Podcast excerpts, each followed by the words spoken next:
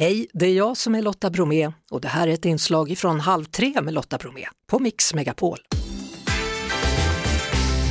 Att äta gott och må gott är något som bör hänga ihop och det finns kopplingar mellan det som händer i magen och hjärnan när man äter. Henrik Ennart är författare och medicinsk vetenskapsjournalist som skrivit om mat och hälsa i 20 år och har precis släppt den fjärde boken då i serien om Happy Food tillsammans med stjärnkocken Niklas Ekstedt. Välkommen hit! Tack så hemskt mycket! Kan mat verkligen göra oss lyckliga? Ja men verkligen i dubbel bemärkelse. För det är egentligen därför vi, som, vi kallar de här böckerna för Happy Food. För att det är både en kombination av att beskriva den senaste forskningen kring mat och hälsa och samtidigt då leverera recept som gör att maten är så god. Om man tänker så här, vi behöver äta bra för klimatet, bra för kroppen så att vi mår bra, så att djuren mår bra. Men om det inte smakar gott, till slut kommer man att skrapa det åt sidan. Så att det är målet med hela vår serie, det är att kombinera det.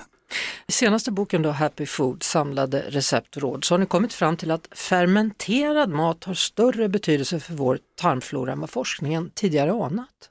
Absolut, det där är jättespännande. Jag har ju skrivit ganska mycket de senaste åren om surkål, kombucha, haft en stor trend och kefir och yoghurt förstås. Men det har liksom hela tiden varit lite oklart. Hur påverkar det här egentligen? Kan de här bakterierna som vi får i oss verkligen ta sig ner i tarmen och stannar de kvar där när de väl har kommit ner? Mm. Och nu är det forskare då vid Stanford som upptäckte att man fick en enormt stark effekt på det här med syrad mat, vilket förvånade dem. De trodde att fibrer skulle ha en ännu större effekt. Kan man förklara på ett enkelt sätt för den som inte har koll, vad är fermenterad mat?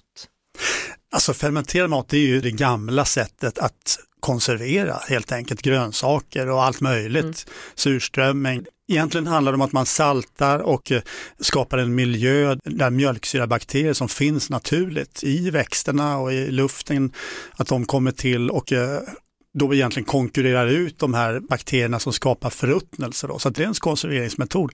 Och samtidigt så kan man då se då att den här typen av bakterier, exakt samma som finns i till exempel surkål eller kefir, de finns också i bröstmjölk för barn. Jaha. Så att naturen har liksom skapat en färdig produkt som ska ungefär fungera som en primer när man målar ett hus eller en vägg. Man skapar en miljö som är, gör att liksom invasiva arter inte kommer in mm. och som då samtidigt då leder till att de bra bakterierna trivs och mår bra. Men det är ändå mat som vi är lite vana vid. Vi gillar ju fil, yoghurt, surdegsbröd och vissa av oss också surströmming. Ja, absolut. Så det är egentligen bara att öka på dosen lite för att i eh, Baltikum till exempel efter befrielsen, när fler fick kylskåp, men där hade man ju fermenterat ganska långt fram i tiden då, mycket. Då såg man ju att allergier och så ökade ganska snabbt. Så att man har ju sett liksom samband med att när vi äter mindre sånt så ökar olika typer av autoimmuna sjukdomar och problem med magen och så. Kan man fermentera vilken mat som helst eller?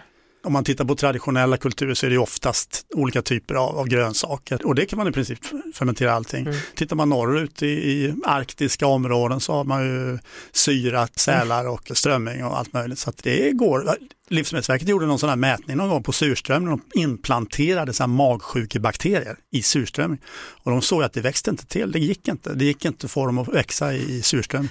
Vet du vad, det är nog många nu som sitter framför radion och bara känner nej, inte undra på, säger de. Surströmming, nej det går inte. nej, nej, jag är inte heller någon jättefan. Jag tar mycket lök och, och rullar runt. Så att, ja. Eh, men eh, det finns mycket annat som är gott det som folk har ätit mest av och som man tyckt varit lättast att få i sig mer av, det är ju yoghurt med bakteriekulturer och kombucha, men även sådana här shots som mm. jag har fångat upp i den här boken som vi tänker att det här ska nog kunna bli en liten trend. Gutshot, det är i princip den här lagen, saltlagen som surkålen eller de syrade grönsakerna ligger i. Och om man tar ett mm. litet sånt shot, det är inte gott, det kan jag garantera, det är inte gott. Men om man tar ett litet sånt shot så är det, verkar det vara jättebra för tarmfloran. Man brukar ju säga då att man ska äta för att leva, inte leva för att äta. Men mm. kan man kanske göra även det nu då? tror så här, vi har ju varit runt ganska mycket och på platser i, världen där folk blir friska och gamla och ingen av dem har nog funderat på att bli gamla utan de har nog gått ut på att äta och leva och trivas och må bra så mycket som möjligt och inte bli så där desperat att jag måste äta jättebra varje dag utan jag brukar säga så här, när jag gick i skolan då var det femgradig betygsskala. Så man siktar på en trea i varje ämne, liksom mat, motion, sömn och undvik ettorna. Men man behöver inte ha några femmor. Tack så mycket för att du kom hit, Henrik Ellert. Tack så mycket. Det var det. Vi hörs såklart igen på Mix Megapol varje eftermiddag vid halv tre. Ny säsong av Robinson på TV4 Play. Hetta, storm, hunger. Det har hela tiden varit en kamp. Nu är det blod och tårar. Fan händer just det. det är detta är inte okej. Okay. Robinson 2024, nu fucking kör vi! Streama söndag på TV4 Play.